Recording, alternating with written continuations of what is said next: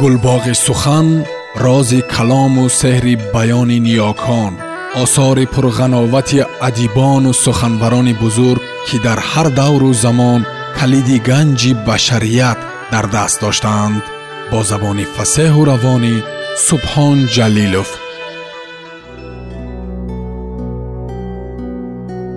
Китоби ҳаким синбод.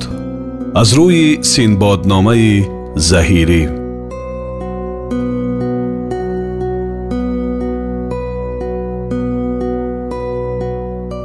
шунавандаҳои азиз. Дар нашри гузашта мо қироати китоби синбоди ҳакимро аз рӯи синбодномаи заҳирӣ ба охир расонидем ва дар ин нашр ман барои шумо ваъда кардам ки дар бораи худи китоби синбоди ҳаким як маълумотро ба сами шумо бирасонам. Инак ҳамон маълумот. Замони ҳукумати сосониён ки 416 сол давом кардааст аз давраҳои хеле дурахшони таърихи мардуми эронинажод мебошад. Дар аҳди ҳукмронии ин сулола маданият ва хусусан адабиёти нафиса ривоҷи тамом дошт. Махсусан дар солҳои салтанати хусрави анушервон робитаи адабӣ бо ҳинду чин ва руму юнон пойдор гардида буд ки барои пешрафти адабиёт ва дигар соҳаҳои маданият нақши муҳим бозидааст миқдори зиёди осори илмиву адабӣ аз кишварҳои номбурда ба эрон оварда шуда ба забони паҳлавӣ ки забони адабии давраи сосонӣ буд тарҷума шуданд. Дар байни осоре ки ба паҳлавӣ тарҷума шудааст адабиёти қадимаи ҳиндустон бештар аз забони санскритӣ ва бештар аз забони санскритӣ ва палӣ мавқеи махсус дорад. Осори илмиву адабие ки аз кишварҳои гуногун ба эрони сосонӣ оварда мешуданд бо роҳҳои гуногун сурат мегирифтанд масалан тарзи ба даст оварда шудани китоби машҳури калила ва димна воқеаи аҷибе дорад ки дар таърих машҳур аст. Тарҷумаи ин гуна асарҳо аз як тараф хазинаи адабиёти моро бевосита пурратар карда бошад аз тарафи дигар барои ба вуҷуд омадани асарҳои бадеии тоза як василае гардидааст. Истилои араб давлати мутамаддини сосониёнро ки охирин намояндааш яздигурди се буд мағлуб карда бо ҳамин ба равнақи адабиёти паҳлавӣ хотима дод. Истилои араб хавфи он дошт ки ганҷинаи адабиёти паҳлавиро ки дар тӯли солҳо фароҳам омада буд ба боди фано диҳад. Аммо беҳтарин фарзандони халқ роҳи пойдор гардонидани мероси гаронмояи аҷдоди худро ёфтанд. Ин роҳ ба забони ҳукмрони давр арабӣ нақл кардани ин осор буд ки дар воқеъ ба воситаи тарҷумаи арабӣ қисме аз он асарҳо машҳури олам гардидааст. Абулфараҷ бини исҳоқ ибни надими бағдодӣ дар алфеҳрист ҳафтод китобро номбар кардааст ки аз паҳлавӣ ба арабӣ тарҷума шуда. Дар асри даҳ асли паҳлавӣ ва тарҷумаи арабии ҳамаи онҳо мавҷуд будааст. Инчунин таърих номи пуршарафи миқдоре аз тарҷумонҳоро то ба забони мо расондааст ки дар роҳи боқӣ гузоштани мероси адабии аҷдоди худ хидмате карданд инҳо абдуллоҳ ибни муқаффа навбахт ва писараш фазл бародарон мусои холид ва юсуфи холид абулҳасан алӣ бинни зиёди тамимӣ ҳасан бинни саҳл абуҷаъфар аҳмад бинни яҳьёи балодурӣ исҳоқ бини язид аҳмад бини яҳьё бини ҷобир ҷибиллат бини солим муҳаммад ибни ҷаҳими бармакӣ ҳашом бини қосим мусо бини исои курдӣ зодуя писари шоҳуяи испаҳонӣ муҳаммад бини зодуя баҳром писари мардоншоҳи нишобурӣ муҳаммад бини баҳром бини матёри испаҳонӣ умар бини фаррухон ва дигарҳоянд ҳамаи инҳо эронинажод буда баъди ислом овардан таркиби номашон тағйир ёфтааст Масалан номи аслии абдуллоҳ ибни муқаффа рӯзбеҳ писари дадоӣ будааст. Ин ҷавонмарди ҷасур ки дар сиву шашсолагӣ аз тарафи ҳукуматдорони араб бо тӯҳмати хиёнат ба дин ваҳшиёна кушта шудааст бо таълифот ва тарҷумаҳои сершумораш дар адабиёти араб хидмати бебаҳое кардааст. Яке аз шоҳасарҳои адабиёти паҳлавӣ китоби синбоди ҳаким аст ки дар таърихи адабиёт бо номҳои мухталифи синбоднома вузарои сабъа ва китоби макруннисо низ маъмул аст мувофиқи шаҳодати сарчашмаҳои адабӣ қадимтарин ривояти ин асар дар адабиёти паҳлавии давраи сосонӣ буда ба воситаи тарҷумаву чопҳои сершумор сайри олам кардааст ҳанӯз дар замони пойдор будани давлати сосониён ин асар ба забони сурёнӣ тарҷума шудааст ки дар навбати худ сарчашмаи чандин тарҷумаи аврупоӣ гардидааст то имрӯз тарҷумаи ин асар бо забонҳои юнонӣ ибронӣ лотинӣ испанӣ фаронсавӣ инглисӣ олмонӣ итолиёӣ арманӣ туркӣ арабӣ гурҷӣ русӣ узбекӣ маълум аст. мувофиқи ахбори ибни надим дар алфиҳрист китоби синбод дар ду ривоят мукаммал ё ки китоби синбоди кабир ва мухтасар ё ин ки китоби синбоди сағир машҳур будааст. Аз тарҷумаҳои мавҷудаи ҳозира тарҷумаҳои гурҷӣ туркӣ русӣ ва узбекӣ ки аз ривояти тоҷикӣ форсӣ ибтидо гирифтаанд ба синбоди кабир мансуб буда тарҷумаҳои боқимонда ба синбоди сағир ё ривояти мухтасари асар вобастаанд. Роҷеъ ба асли китоби синбод ва пайдоиши он чӣ дар шарқ ва чӣ дар ғарб афкори мухталиф ҳукмфармост як гурӯҳ дар чунин ақиданд ки ин асар зодаи табъи мутафаккирони қадими ҳиндустон буда чун калила ва димна ба эрони сосонӣ оварда шудааст. Гурӯҳи дуюм ибтидои асарро дар адабиёти қадимаи мардуми эронӣ донистанд. Аммо ақидаи сеюм ки пешрорандааш тадқиқотчии муосири амрикоӣ перри мебошад ин асарро бо адабиёти атиқаи юнон алоқаманд медонад аммо барои мо мавҷудияти худи ин асар ки бештар аз 1500 сол дар адабиёти мо сайри такомул карда то ба замони мо пурра расидааст муҳимтар аз он аст ки муаллифаш кӣ будааст? Чунон ки зикр шуд муаллифи алфеҳрист надим то асри даҳ мавҷуд будани ҳафтод номгӯ осори паҳлавиро зикр кардааст ки дар байни он асарҳои адабиёти бадеӣ низ кам нест баъди ба сари ҳокимият омадани сулолаи сомонӣ маданияти мардуми тоҷик ҷони тоза гирифт. Сомониён ки ҳокимияти худро ба ҷои ҳокимияти арабҳои истилогар барқарор карда буданд барои зинда кардан ва ривоҷ додани адабиёту санъати аҷдодии худ чандтарафа манфиатдор буданд ин буд ки як миқдор осори мутафаккирони гузаштаи мо ба назму насри дарӣ гардонида шудааст ки баъзеи онҳо аз забони паҳлавӣ ба дарӣ гардонида шуда бошанд аксараш аз арабӣ ба дарӣ тарҷума шудааст. Китоби синбоди ҳаким аз ҷумлаи он асарҳои насри бадеии адабиёти паҳлавист ки хушбахтона аз тӯфони истилоҳи араб берун монда аз паҳлавӣ рост ба дарӣ омадааст. Ва ин асари зебо дар асри даҳ бо супориши бевоситаи яке аз шоҳони сомонӣ бо қалами абулфавориси фанорӯзӣ аз забони паҳлавӣ ба дарии содда гардонида шудааст.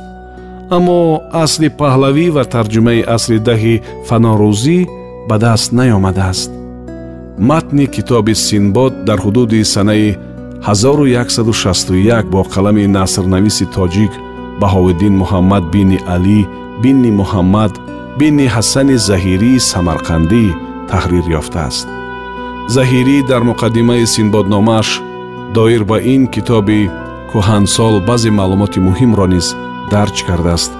Аз ҷумла ӯ навиштааст ки ин китобест мулаққаб ба синбод фароҳамоварандаи ҳукамои аҷам ва дигар бибояд донист ки ин китоб ба луғати паҳлавӣ будааст ва то ба рӯзгори амири аҷалли олими одил носириддин абу муҳаммад нӯҳ бини мансуру сомонӣ ҳеҷ кас тарҷума накарда буд амири одил нӯҳ бини мансур фармон дод хоҷа амид абулфавориси фанорӯзиро то ба забони порсӣ тарҷума кунад ва тафовуту ихтилоле ки ба ду роҳ ёфтааст бардорад ва дурусту рост кунад ба таърихи санаи 339 мутобиқ ба соли 95051 милодӣ хоҷа амид абулфаворис ранҷ баргирифт ва хотир дар кор овард ва ин китобро ба лафзи дарӣ пардохт. Аммо ин ҷо ҳаминро мебояд қайд кард ки дар соли 950-951 фармон додани нӯҳ бини мансур ба ҳақиқати таърих рост намеояд зеро ӯ дар солҳои 976-997 ҳукумат рондааст вале солҳои ҳукумати намояндаи дигари ин хонадон нӯҳ ибни наср ки байни санаи 943-954 ҷараён доштааст ба соли анҷом ёфтани тарҷума рост меояд. Ин ҷо ё дар ном иштибоҳе рафтааст ё дар санаи тарҷума. Тарҷумаи ҳоли заҳирӣ ба тариқи бояду шояд маълуми мо нест. Ҳатто соли таваллуду вафоташ ҳам аниқ нест. Ҳамин қадар медонем ки ӯ дар дарбори тамғоҷхони қарахонӣ дабирӣ карда мувофиқи маълумоти авфӣ ба мансаби соҳибдевони иншо расида будааст инчунин аз навиштаҳои ӯ низ танҳо номи се китобро медонему бас аърозу риёзат фи ағрозу сиёсат. Ин китоб як маҷмӯи калон буда. Гуфтори шоҳони машҳури пешинро дар боби давлатдорӣ ва усули идораи он дар бар гирифтааст асари дигари заҳирӣ ки мутаассифона танҳо унвонаш то замони мо расидааст саму заҳир фи ҷамул заҳир ном шудааст. Зоҳиран ин асар ҳам дар боби сиёсат будааст. Дар байни осори ба мо маъмули заҳирӣ синбоднома асари сеюм аст ки муаллиф дар таҳрири он тамоми ҳунари дабириашро харҷ кардааст. Сабки сода ва равони асри даҳ ки дар назму наср баробар ҷорӣ буд тадриҷан ҷои худро ба такаллуфу иборапардозиҳои тумтароқ додан гирифт ва дар замони таҳрири синбоднома хусусан дар адабиёти доираи дарбор ки заҳирӣ ҳам аз аҳли он буд ва ин арӯси зеборо хуллаи ороиш барбаста ба шабистони олӣ фиристодааст ин такаллуфписандӣ ҳукмфармо гардид. Ҳатто он асарҳое ки ба сабки сода таҳрир ёфтанд аз равнақ монда хавфи нобудшавӣ доштанд шояд аз ҳамин сабаб бошад ки заҳирӣ роҷеъ ба тарҷумаи асри даҳи фанорӯзӣ ки дар сабки сода будааст сухан ронда изҳор кардааст ки ибораташ азим нозил буд ва аз тазайюну таҳаллӣ орӣ ва отил ва бо он ки дар вай мақолро фусҳату маҷолро вусъати танаввуқу тасаннӯъ буд ҳеҷ машота ин арӯсро наёроста буд ва дар мизмор яъне майдони фасоҳат маркаби иборат наронда ва ин калими ҳикам ва абкору азороро яъне нозанинро ҳулла насохтаву ҳулия напардохта ва наздик буд ки аз саҳоифи айём мадрус яъне нопадид гардад ва аз ҳавошии рӯзгор ба як бор маҳв шавад. Бинобар он ҳам заҳирӣ бо танзими нав таҳрир кардани ин асари муфидро ки таъсиси қавоиди риёсат ва таъкиди мабонии сиёсат номида шуда ва ҷидди ӯ ҳазлмонанду мавъизати яъне панди ӯ ҳикматпайванд будааст ба уҳда мегирад. Албатта заҳирӣ дар таҳрири нави худ тамоми он талаботеро ки завқи хонандаи мушкилписанди асраш тақозо мекард риоят кардааст. Ин асар ки собиқан аз ҳулии бароат яъне санъат фасоҳат отил ва аз ҳуллаи балоғат орӣ будааст танҳо баъди либоси алфоз дар пӯшонидану пирояи маонӣ барбастан ва ба амсолу ашъор ва ахбору осор ороста кардани заҳирӣ эҳьё пазируфта аз сар таровату равнақ гирифтааст синбоднома аз ҷумлаи осори пандомӯз аст ки дар шакли ҳикоят даруни ҳикоят таркиб ёфта аз як силсила ҳикояҳои гуногунсохту гуногунмазмун фароҳам омадааст. Ин шакли таснифи китоб ки аз адабиёти қадимаи ҳиндустон ибтидо гирифтааст дар адабиёти классикии форсу тоҷик хеле равнақ ёфт. Мусаннифони ин гуна китобҳо одатан барои ба як тарзи мураттаб ба хонанда пешниҳод кардани як миқдор ҳикоятҳо ривояте ё ҳикоятеро интихоб карда ба таври сунъӣ ҳикояҳои дигарро ба ягон баҳона ба ҳикояти васила мечаспонданд дар ин маврид ҳадафи асосӣ ҳамон ҳикояҳои дохилӣ буда ҳикояти васила одатан нақши дуюмдараҷаро мебозид. Аммо дар синбодномаи заҳирӣ ба туфайли матлабе ки муҳаррир дар назди худ гузоштааст вазифаи ҳикояти васила хеле устувор гардида ба дараҷаи аввал баромадааст. Ҳикояҳои дохили асарро ки ҳамагӣ сиву сею сиву чортоанд аз ҷиҳати сохт ба масал ҳикояҳои маишӣ афсона ва ғайра тақсим кардан мумкин аст. Ин ҳикоятҳо барои тақвияти сухани иштироккунандагони асосӣ синбод шоҳзода мухаддара ҳафт нафар вазир хидмат карданд. Бештари ҳикояҳое ки дар бораи зан буда аъмолу кирдори ӯро ифода мекунанд аз адабиёти қадимаи ҳиндустон ибтидо гирифтанд аммо дар адабиёти қадимаи он кишвар ин гуна ҳикояҳо вазифаи муайянеро ба ҷо меоварданд. Барои мардуми ҳинд ишқ як соҳаи илм буда чун дигар соҳаҳои дониш таълим дода мешудааст. Ва ҳикояҳои ишқӣ ҳамеша на барои машғул доштани хонанда ва тарғиби ишқи шаҳвонӣ нақл мешуданд балки асосан барои аз ҷиҳати илмӣ баён кардани моҳияти амалии ишқ хизмат мекарданд вале ин гуна ҳикоятҳо дар байни халқҳои дигар роҳ ёфта аҳамияти илмии худро гум карда ба асарҳои соф бадеии ишқии шаҳвонӣ табдил ёфтанд. Ҳамин тариқа мазмуни ҳикояҳои ҷудогонаи асар на ҳама вақт он хулосаҳои назариеро ки аз ин ҳикоятҳо бароварда шудааст тасдиқ мекунанд.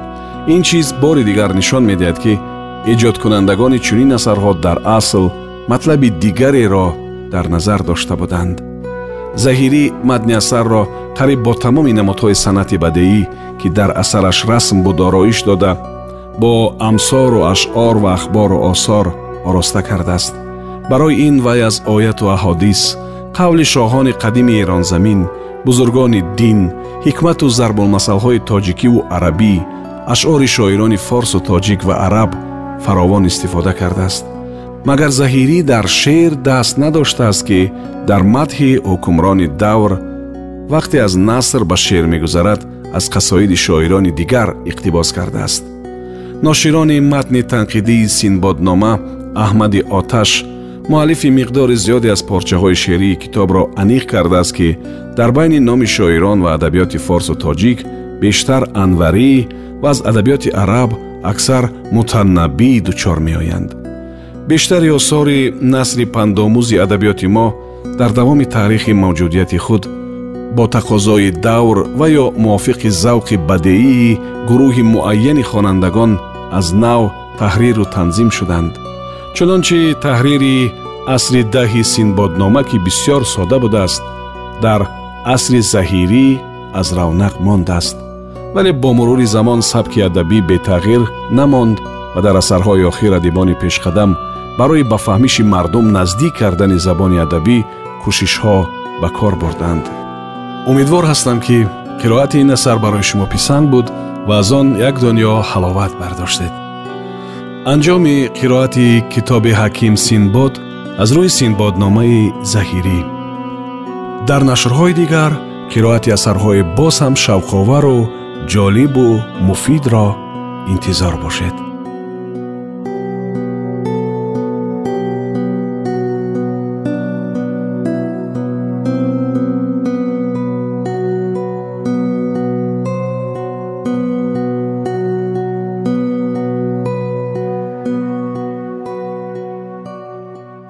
гулбоғи сухан рози калому сеҳри баёни ниёкон осори пурғановати адибону суханбарони бузург ки дар ҳар давру замон калиди ганҷи башарият дар даст доштаанд бо забони фасеҳу равонӣ субҳон ҷалилов